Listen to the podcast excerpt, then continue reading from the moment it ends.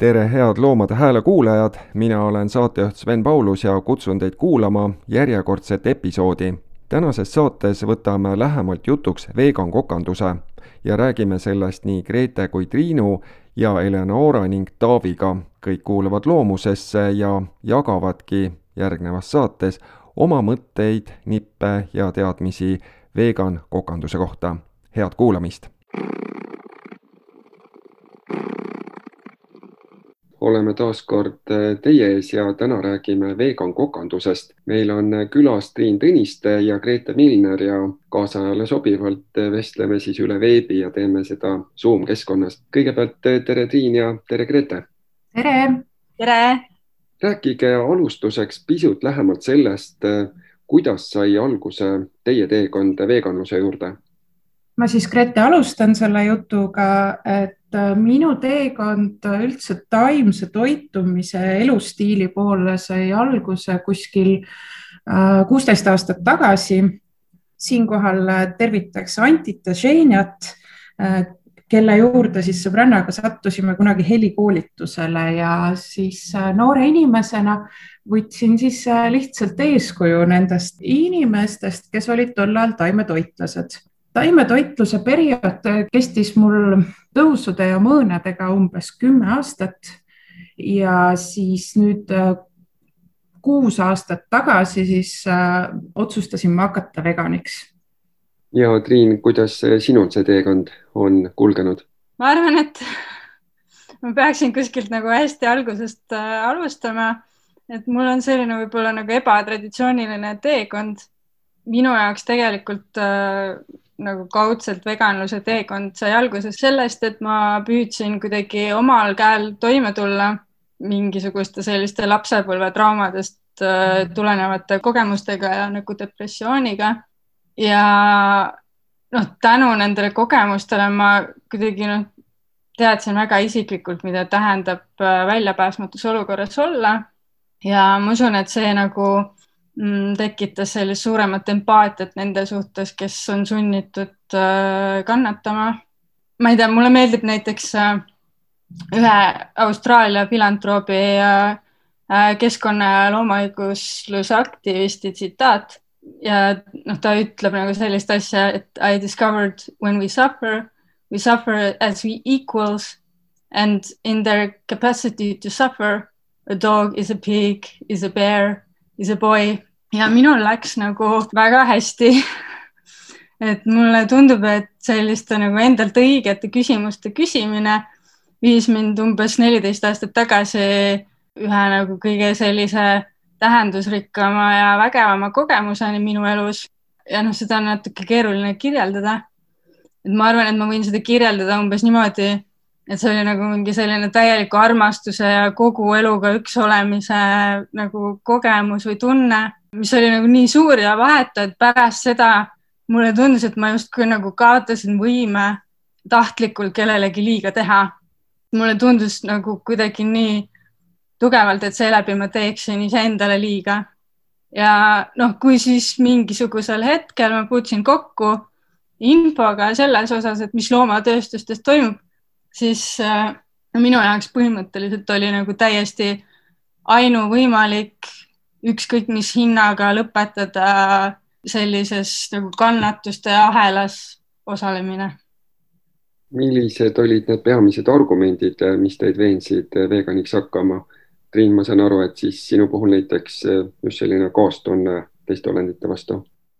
jah, aga noh, selles mõttes, et äh, ega ma noh, suhteliselt varsti puutusin selle nagu ratsionaalse infoga kokku või noh, nagu no mis on igasugused videosed. esimest korda ma hakkasin taimetoitluse peale mõtlema pärast seda, kui ma nägin ühte karusloomafarmi videot hoopiski ja seal siis tõmmati naaritsate ilusast peast kasukad seljast, siis nad äh, hunnikusse visati piineldes surema siis ma nagu kohe teadsin, et ma pean hakkama taimetoitlaseks, et kuigi see otseselt ei olnud nagu toiduainete tööstusega seotud. aga noh, tol hetkel ma veganlusest veel ei olnud kuulnud. et äh, ma noh, konkreetselt äh, ma ei mäleta, kuidas veganluse idee nagu jõudis minuni, et ilmselt ma vaatasin äh, Earthlingsi filmi ja ma mäletan, et ma soovitasin oma sõpradele seda, aga keegi nagu ei võtnud vedu sellega. jah, siis kui ma veganiks hakkasin, siis ma ei teadnud esialgu mitte ühtegi teist veganit. kuna ma pidin hästi palju nagu kaitsma oma perekonnale, äh, seletama, et miks ma sellise valiku olen teinud, et ma ikkagi nagu jään äh, selle juures terveks ja nii edasi. et siis ma hästi palju uurisin nagu toitumisinfot ja noh, sealt tulevad nagu järgmised tugevad äh, argumendid minu meelest, et noh, tegelikult saab veganina väga nagu tervislikult ja hästi elada, noh, sealjuures on mind inspireerinud igasugused arstid, kes noh, propageerivad tegelikult vegan, veganlikku toitumist ja arvavad, et see on nagu väga hea kaitse igasuguste krooniliste nii-öelda nagu heaoluhaiguste suhtes et äh, noh, mind in, on inspireerinud näiteks äh, D. Colin Campbelli China Study ja John McDougall'i töö, Joel Furmani töö, Neil Bernard ja PCRM. jah, ja kindlasti noh, kõik need keskkonnaargumendid ka mingi hetk jõudsid minu teadvusesse noh, kuna minu isiklik selline eesmärk on alati olnud, et see, mida ma siin maailmas teen, oleks võimalikult optimaalne ja toetaks selliseid positiivseid ühiskondlikke muutusi nagu võimalikult suurel tasandil, siis äh, veganlus tundus minu jaoks äh, nagu kõige õigem tee, sellepärast et see puudutab äh, eetilisi ja keskkondlikke terviseteemasid, sotsiaalseid küsimusi, nagu Eestis võib-olla sotsiaalseid küsimusi vähem, aga kolmanda maailma riikides nagu selle võrra rohkem. noh, ma arvan, et tänapäeval nüüd on nagu sellele lisandunud veel zoonootiliste haiguste tasand selle viiruse olukorraga. kui ma nüüd peaksin veganiks hakkama, siis loomatööstuses, tööstustes levivad viirused oleksid samuti nagu selline tugev argument, selline julm ja ebavajalik tööstus nagu oma lõppu leiaks. Grete, kas sul on veel ka lisaks argumente? mina alustasin oma veganteekonda peale taimetoitluse teekonna lõppu siis äh, toortoiduga. flirtisin toortoidu siis äh, kulinaariaga, samamoodi nagu Triin hakkasin lugema siis äh, ja õppima toitumise kohta üleüldiselt omal käel ning peale seda, kui olin teinud ka mõned koolitused ja toortoidu catering'id, sattusin ka mina siis vaatama neid äh, kolefilme, muuseas Earthlingsi ma ei ole siiamaani suutnud lõpuni vaadata ja noh, õnneks ma arvan, et enamuses võib-olla isegi ei, ei ole nagu minule see vajalik vaadata, aga, aga jah, terve selle nagu teekonna jooksul, kui mul on olnud mingeid kahtlusi või kõhklusi, et, et kas see on õige, kas ma peaksin mingit muud moodi on lihtsam, siis tuletan ma alati meelde endale neid äh, loomi, kes kannatavad ja mina ei taha nendes kannatustes osaleda. kui mõtleme veganluse kui elustiili peale, siis eh, mis on selle juures kõige sellised suuremad väljakutsed teie jaoks olnud?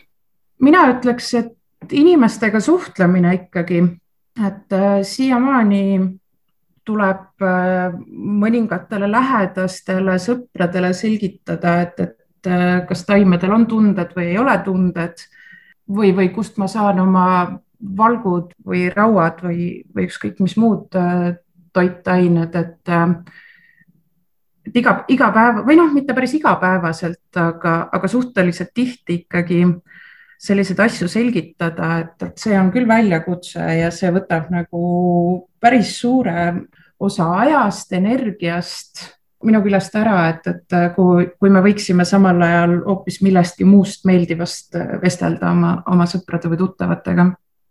ja Triin, sinu puhul, mis on kõige suuremad väljakutsed veganluse puhul? nojah, ma kindlasti arvan, et noh, need väljakutsed on jah, eelkõige nagu sellised psühholoogilised ja sotsiaalsed. et noh, paljud aktivistid ju kogevad sellist nagu kaastunde väsimust ja noh, spetsisism ja selline nagu liigišovinism on äh, selline domineeriv hoiak meie ühiskonnas ikka veel. ja noh, keegi, kes hakkab veganiks, teeb ju seda nagu selle tõttu, et ta tajub seda hästi suurt ebaõiglust, mida meie ühiskond peab nagu elu normaalseks osaks ikka veel. no vahel ongi nagu, võtab energia ära see, et noh, tead või noh, hakkad sellele just kui nagu liiga palju mõtlema, et ükskõik, mida ma teen, et see, et see ei ole nagu justkui piisav, sellepärast et see skaala nagu, millel selline vägivald toimub, on lihtsalt niivõrd massiivne. ja noh, muidugi on kurnav just noh, eriti kui lähedased või perekonnaliikmed on, on need, kes äh, ei jaga või ei saa sellest maailmavaatest aru, kui tundub justkui, et noh, jagad nii palju nagu teisi tasandeid mingisuguse lähedase inimesega ja siis ta nagu seda ei mõista, mis on ikkagi selline väga sügav ja suur isiklik nagu veendumus ja arusaam, siis nagu see tekitab küsimusi, et kas see inimene üldse mõistab. Ja selliseid pisikesi momente on palju, mis tuletavad jälle meelde, et, et ma ei ela praegu veel vegan maailmas. Ja noh, eks need äh, teevad nagu vahel kurvaks küll. eks ikka noh, kõik veganid tegelikult ju tahavad tunda ennast normaalse inimesena. mina näiteks, kui ma saaksin valida, et ma ei defineeri ennast äh, veganina, siis ma valiks seda iga kell. ma tahaks ka rääkida normaalsetest asjadest ja noh, et see ei oleks üldse mingisugune teema, et ma saaksin oma elu, lihtsalt oma elu elada. paraku peab ennast äh, läbi selle noh, kontseptsiooni kuidagimoodi defineerima selleks, et see äh, ebaõiglus nähtavale tuua. kui kirjeldada pisut äh, sellist veganluse maastikku Eestis, siis äh, milline see on? ma ütleks, et kui, kuigi me siin nüüd Triinuga rääkisime, et, et et raske on, aga teistpidi ma ütleks, et tegelikult on väga positiivne. viimase viie-kuue aasta jooksul on meeletult palju muutusi meil siin toimunud, on ju ma ütleks, et kümneid vegan restorane, mitte taimetoidu, aga vegan restorane üle Eesti avatud. inimesed muutuvad üha avatuvamaks ja noh, ma ei hakka üldse mainimagi seda toodete laviini, mis meie kaubanduses on, et, et just võrreldes nagu eelneva ajaga. sõna vegan normaliseerub üha enam ja enam äh, nii meedias kui ka, kuidas ma ütlen, nii tavafraasides või, või tavajutuses üha vähem panen ma seda tähele, et veganlust seostatakse muru söömisega või, või porgandi närimisega. Õnneks on äh, väga paljud vegan restoranid teinud äh, ja ka noh, loomulikult organisatsioonid teinud väga head tööd äh, selle nimel, et, et seda kõike normaliseeruda ja ma arvan, et äh, asi läheb aina paremaks. ja mis teeb näiteks rõõmu, mis teeb muret veganluse juures siin Eesti kontekstis näiteks? mulle isiklikult noh, teeb rõõmu see, et on minu töös vegan kokana igasugused need välja, väljakutsed on äh, hästi põnevad, et kuidas äh, imiteerida lapsepõlvest äh, tuttavaid maitseid sellises olukorras, kus ei saa seda toorainet ka kasutada, millest need tavaliselt tehtud on. hästi põnevaid uusi suundi on, et noh, kuidas töötada näiteks äh, probiootiliste bakterite või hallituskultuuridega, et nagu noh, mida tavaliselt on piimatoodetes traditsiooniliselt kasutatud. et kuidas need kultuurid kasvavad ubadel või kasvavad pähklitel, kuidas teha ilma toorjuustuta toorjuustukooki ja želeed ilma želatiinita.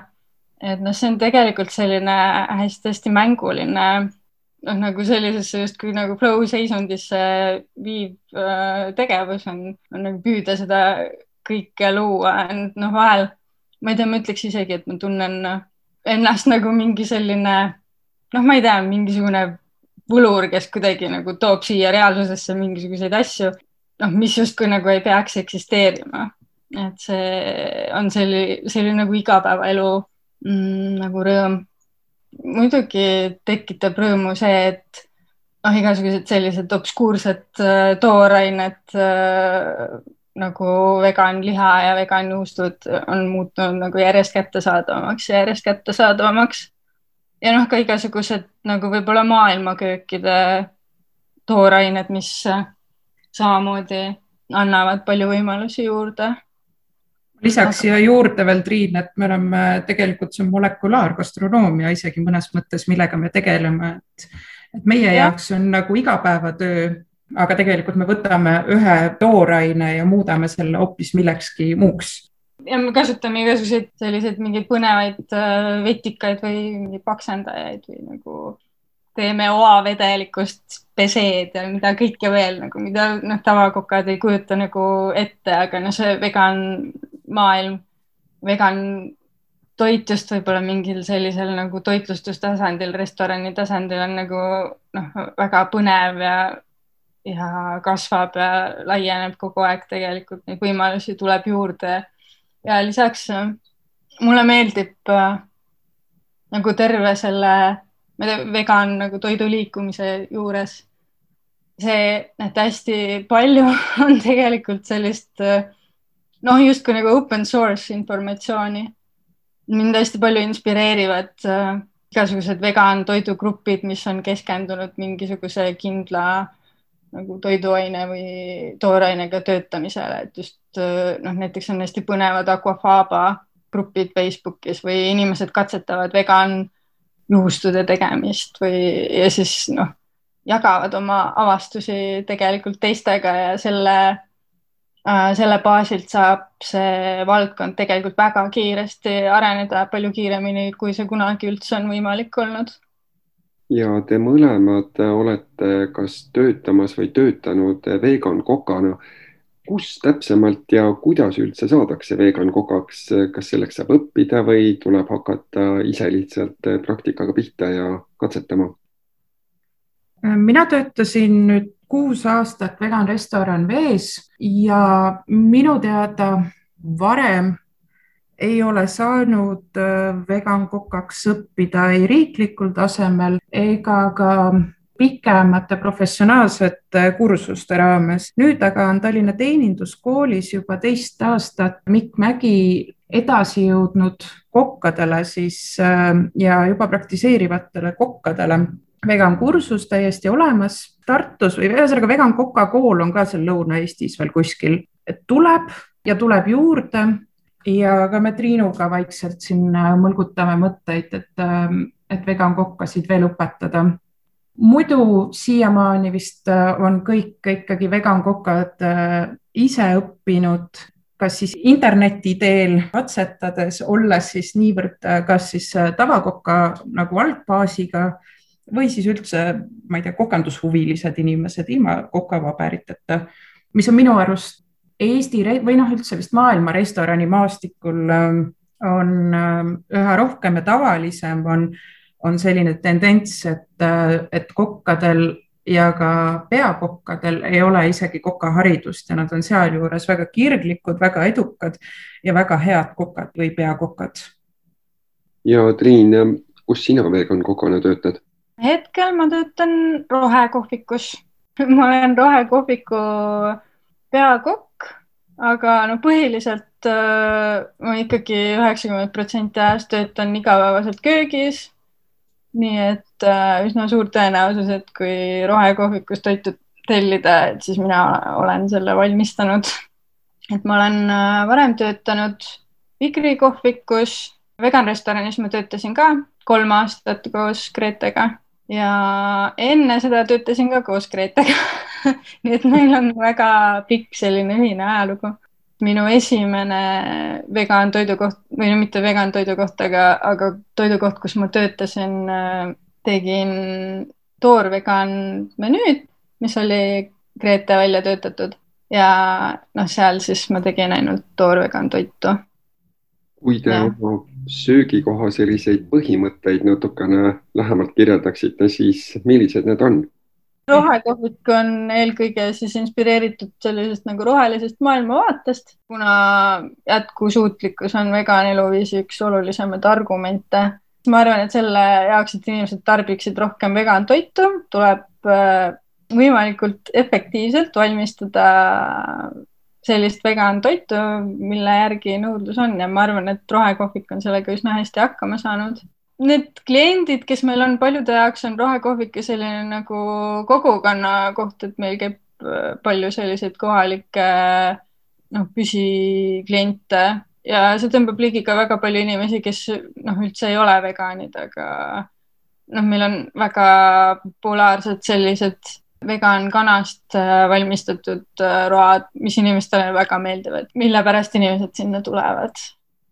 Vegan restoran vee põhimõte on äh, peamiselt teha toitu, ma ei tea, kas ma teen kellelegi liiga, kui ma ütlen mitteveganitele sest et veganeid käib vegan restoran veest niikuinii ja ka väga suur osa külalistest on mitteveganid ja idee tõesti ongi see, et, et et näidata seda, et nagu ma siin mainisin, eelnevat vegan toit ei ole porgandi närimine ega, ega, ega muru närimine või mis need populaarsed arvamused on ja siiamaani see on toiminud.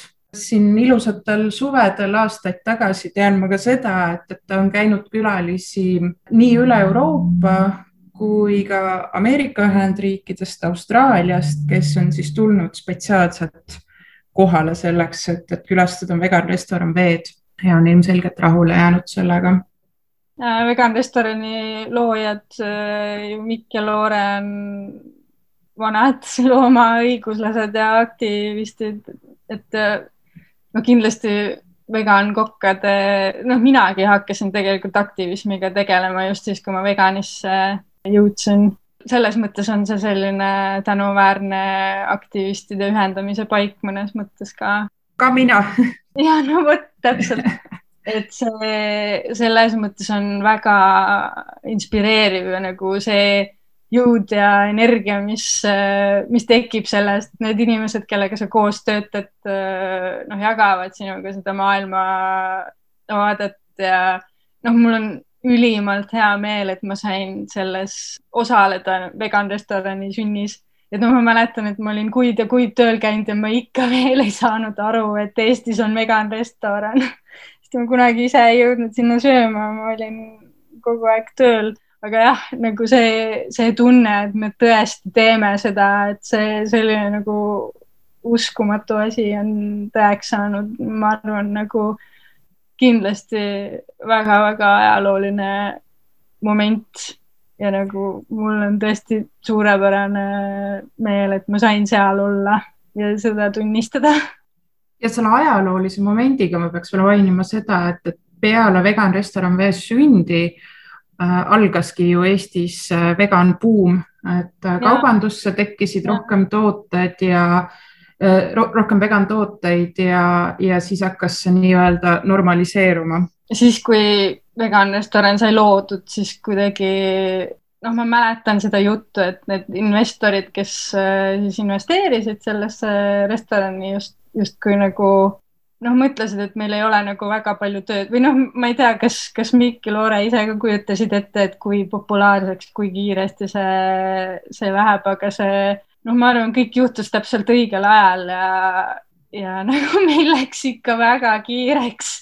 kuueteisttunnised päevad tulid nagu kuidagi nii järsku ja kogu see energia ja jõud ja kõik, mis sinna sisse läks. ja mõnes mõttes ma arvan, et terve Eesti kontekstis ta andis nagu noh, võib-olla inimesed, kes ka nagu kuidagi mängisid selle ideega, et jah, et võib-olla nagu tahaks teha midagi veganluse valdkonnas, et see, see andis nagu justkui sellise loa, et noh, et inimesed tahavad seda ja see on populaarne ja sellega on võimalik ära elada. kui praktilise poole peale minna, siis eh, kustkohast hangivad eh, vegan kokad oma retseptid ja toorained? Tooraine kohta ma ütleks nii palju, et äh, vegan toidlus tahes-tahtmata kasutatakse väga palju värsket, et, äh, et restoranidel on omad tarnijad, et äh, noh, siin ei ole nagu midagi sellist, kes vähe, vähegi on restorani eluga kokku puutunud, siis need inimesed neid tarnijaid teavad. Ja mul on rõõm olnud tõdeda, et need tarnijad noh, kelle nimed meie restorani inimeste jaoks siis on, on täiesti igapäevaselt tavalised, nagu näiteks Karisma, Reaton, Fruit Express ja nii edasi on hakanud võtma omale ka sisse spets vegan tooteid, kaupmees ka loomulikult sinna juurde. Nad on näinud, et, et selle, selle järgi nõudlus on ning äh, igapäevaselt siis on võimalik tellida vegan juustu, vegan koort, tohvut, vorste, kõiki selliseid äh, tooteid siis äh, oma igapäevaselt äh, kurgi, tomati ja, ja kartuli tarnijalt nii-öelda. retseptide kohta, see on vist nagu selline väga personaalne teema kust üldse tuleb kunstnikul äh, inspiratsioon mõne retsepti jaoks, et äh, mina kunagi, kui ma alustasin teed veganluseni, siis ma mõtlesin nagu seda, et, et mida kodus süüa teha ja siis ma mõtlesin, et vot aga, et, et mis nagu tavatoidud on olemas, mida ma kodus süüa võiksin ja kuidas neid veganiseerida. ühesõnaga, et, et kuidas veganiseerida kapsarulle, lasanjat, pikka poissi, kotlette ja nii edasi et äh, see on nagu üks väga suur nagu inspiratsiooniallikas, aga ma ütleks ka veel, et need retseptid tulevad ikkagi kogemustega läbi aastate ja, ja katsetamistega. ma ei, ma, ma ei tea, kust need tulevad inimestele, kust tulevad muusikul ideed või kunstnikul või kirjanikul või luuletajal, et, et täpselt samast kohast tuleb ka vegankokkadel, samast august tulevad need ideed, ma arvan kuivõrd tihe on suhtlus klientidega söögikohas ja kas teil on pigem sellised püsikunded või vahelduv klientuur? Arvan, et see on täiesti nii ja naa. meil on nagu, ma arvan, hea see, et vähemasti me ei olene väga palju turistist, et äh, meil on ikkagi seda kohalikku klienti ka üsna palju. et äh, asukoht on väga hea Telliskivi loomelinnak on lähedal, Kalamäes on väga palju elanikke, kes rõõmuga tulevad sinna meie juurde. kindlasti no inimesi, kes näiteks tulevad kuskilt mujalt rongi pealt, tulevad maha ja siis äh, vaatavad, et oh, et mingi kohvik ja, ja astun sisse, selliseid nagu ebatraditsionaalseid või nagu isegi ootamatuid kliente on ka vahepeal. millist tagasisidet kundad annavad ja mida olete sellest õppinud näiteks? no selle tagasisidega on, on selline teema, et üks tagasiside on siis selline, kas et noh, et, et see konkreetne toit, mida, mida külaline on, on söönud, on kas liiga soolane, ma ei tea, hapu, magus, vürtsikas või noh, mis iganes. et see on nagu selline, kuidas ma ütlen, otsene või kohene tagasiside, et, et siis tuleb kindlasti vaadata üle oma retseptid, tegutsemisviis või, või üleüldse, et, et kui helde käega keegi seal köögis on, aga niisugune laiemas perspektiivis tagasiside, ma ütleks, et äh, vegan restoranis pool seda, noh, see, see lihtsalt on niimoodi, et, et pool seda positiivset tagasisidet ei jõuagi kööki, sellepärast et et äh, teenindajad ei jõua seda edasi anda ja, ja lõpuks võib-olla ei jõua seda nagu kogu aeg ähm, vastu ka võtta, mis ei ole nagu üldse halb ega, ega hea, aga, aga lihtsalt niimoodi on, aga aga see annab väga palju jõudu, tegutsemistahet, indu juurde, et, et kui keegi märkab, kiidab su pingutusi ja tegutsemistahet kindlasti ka.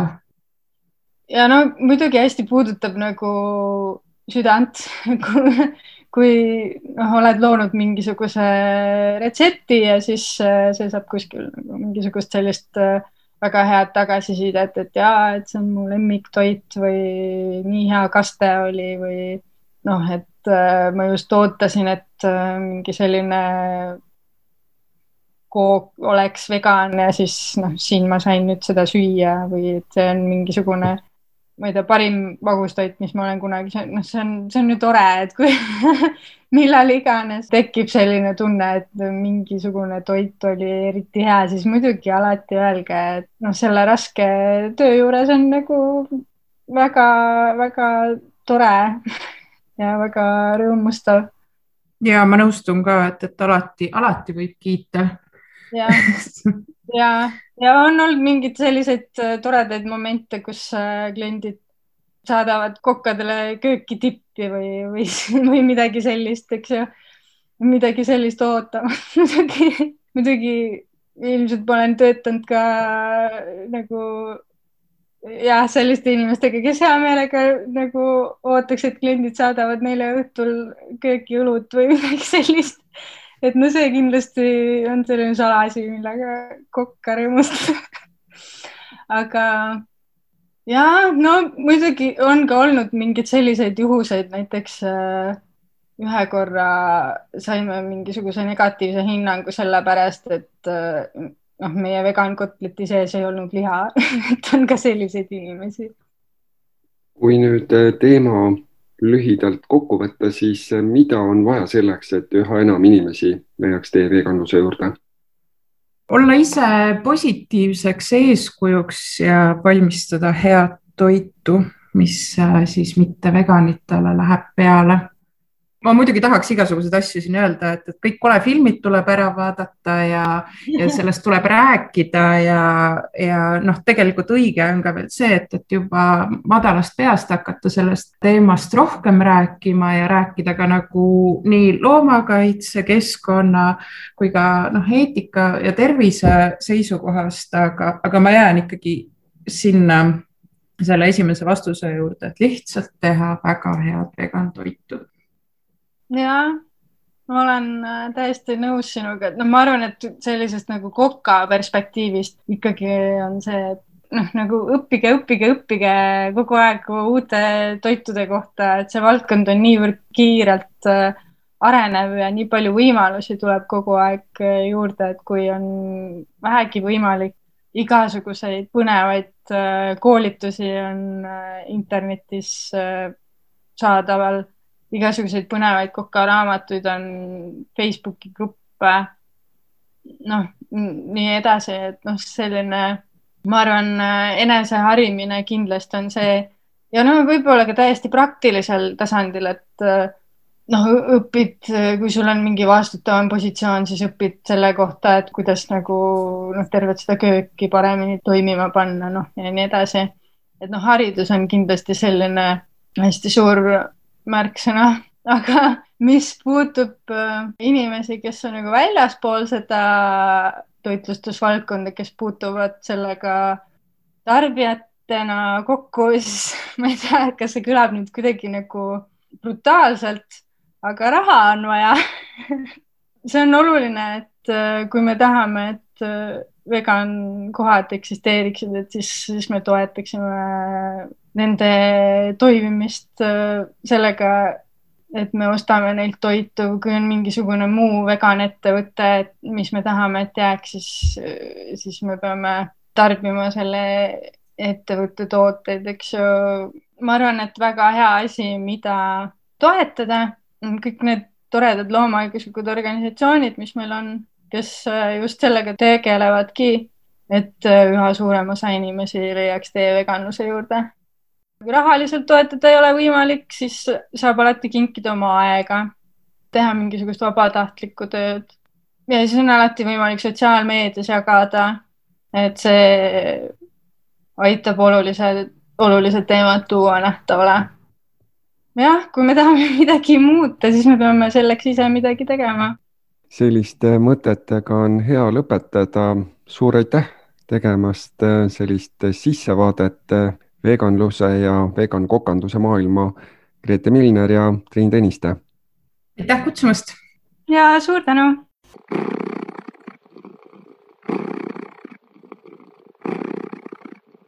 hea Loomade Hääle kuulaja. nüüd on ka sinu võimalus omapoolselt loomust toetada. mine kodulehele loomus.ee kaldkriips toeta ja vaata lähemalt, kuidas saad meile toeks olla. aitäh sulle ette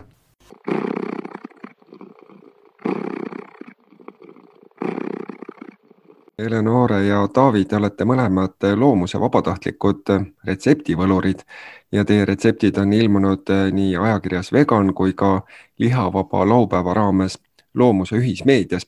kust te kõigepealt inspiratsiooni ammutate, et neid retsepte luua ja teisteni tuua? no minu jaoks isiklikult on, ma arvan, et väga niisugused kodused toidud mõjutanud, et kui ma nii-öelda veganiks hakkasin, siis äh, laialt oli kätte saada igasugused siuksed nii-öelda eksootilisemad toidud, et taimsed karrid ja pastad ja kõik siuksed asjad, aga, aga lihtsad eestimaised toidud, võtame kasvõi kartulipuder ja hakkliakaste, et niisugust nii-öelda taimset versiooni nagu nii lihtsalt ei leia. et äh, see kindlasti aitas minul või noh, on nii-öelda inspireerinud nii-öelda, et ise otsida ja katsetada, et äh, kuidas niisuguseid asju välja töötada. Ja Taavi, kuidas sinu puhul lood on? mulle nagu ei meeldi väga retsepte järgida, ma lihtsalt võtan mingisuguse idee ja siis üritan ise katsetada igat moodi, et midagi head välja tuleks. miks te üldse oma retsepte olete otsustanud jagada? võib-olla lihtsalt sellepärast, et on alati tuttavad öelnud, et väga hästi tuleb see söögi tegemine välja ja et, et väga maitsvad on alati minu toidud olnud. aga et äh, ise võib-olla inimesed ei ole kas üles leidnud neid retsepte või, või ei oska nii, nii hästi, et siis äh, minu jaoks ka huvitav nagu väljakutse, et kuidas enda nii-öelda seda söögi tegemisoskust nagu kirja panna niimoodi, et, et teised saaksid samaväärse tulemuse ja, ja nii-öelda saaksid ka nagu ise neid nii-öelda sama maitsvaid toite järgi teha, et ma teen seda sellepärast, et noh, see on üks nendest aktivismi meetoditest, mida ma teha oskan, lihtsalt osadele inimestele meeldib näiteks äh, teha aktivismi näiteks kunstiga või igast selliste asjadega. minu jaoks on see toit, mul on alati igasugused magusad asjad väga meeldinud ja see on minu aktivismi meetod lihtsalt.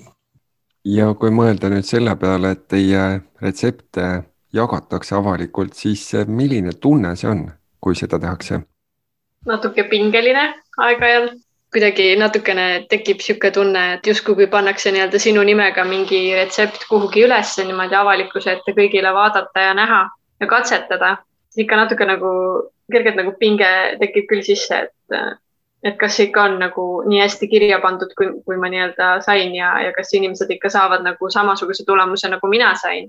Et äh, kindlasti ei taha seda olukorda, kus minul tuleb kodus jube hästi välja, aga kui keegi teine proovib sama asja, et siis need ei tulnud üldse välja, et aga samas on väga-väga põnev on ka ikka, kui tuttavad jälle saadavad mõne pildi või, või mõne nii-öelda lingi, et oh, näed, jälle nägin su nime kuskil. mulle väga meeldib, kui inimestele retseptid meeldivad ja nad neid jagavad, see tekitab minus tunde, et äh, ma teen midagi, mis on aega väärt. See ei ole raisatud aeg ja ma nagu saavutan sellega midagi. kas olete saanud oma retseptidele tagasisidet ka ja milline see olnud on?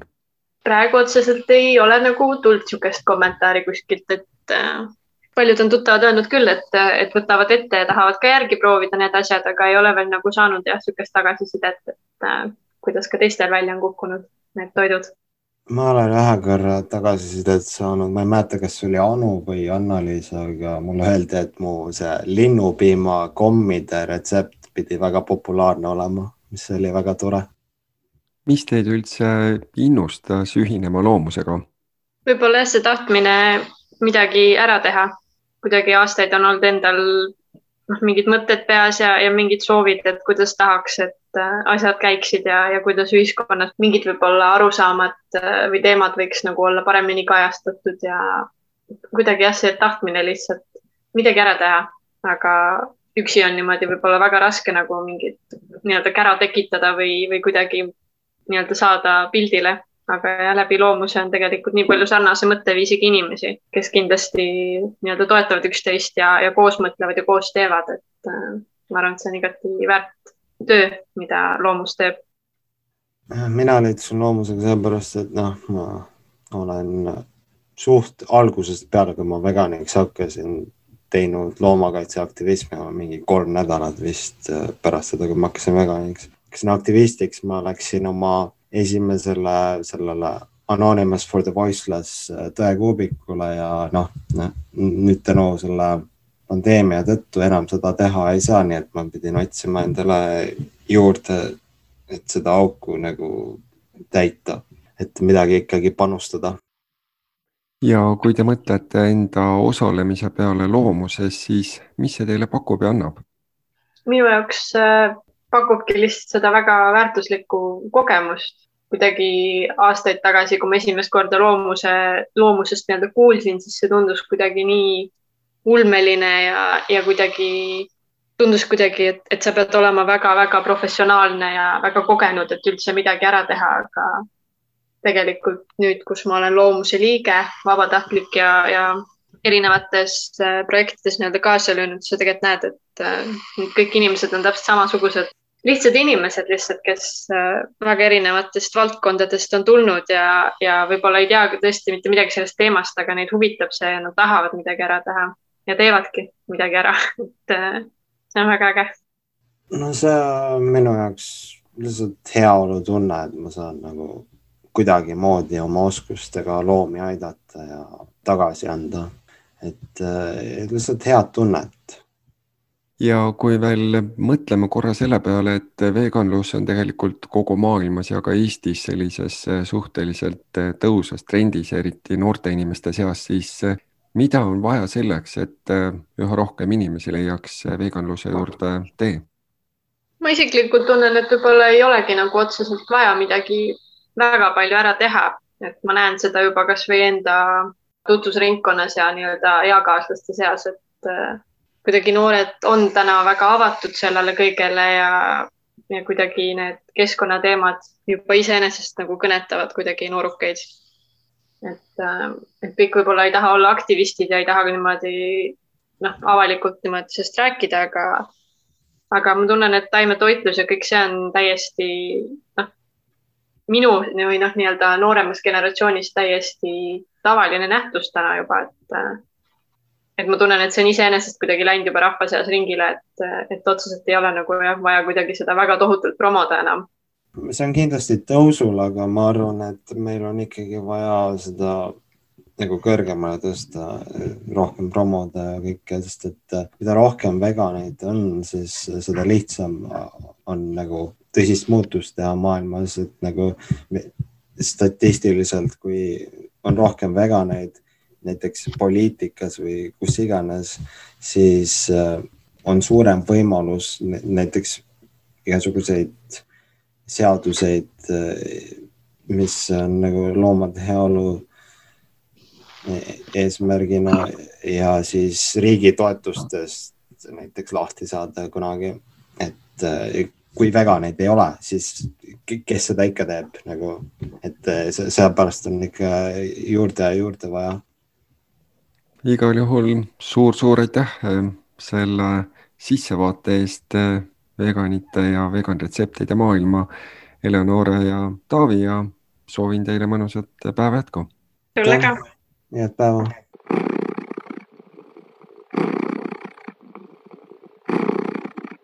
head kuulajad, selline saigi tänane podcast, kus vestlesime lähemalt vegan kokandusest. saatejuht Sven Paulus tänab kõiki kuulamast ja soovib mõnusat kevadet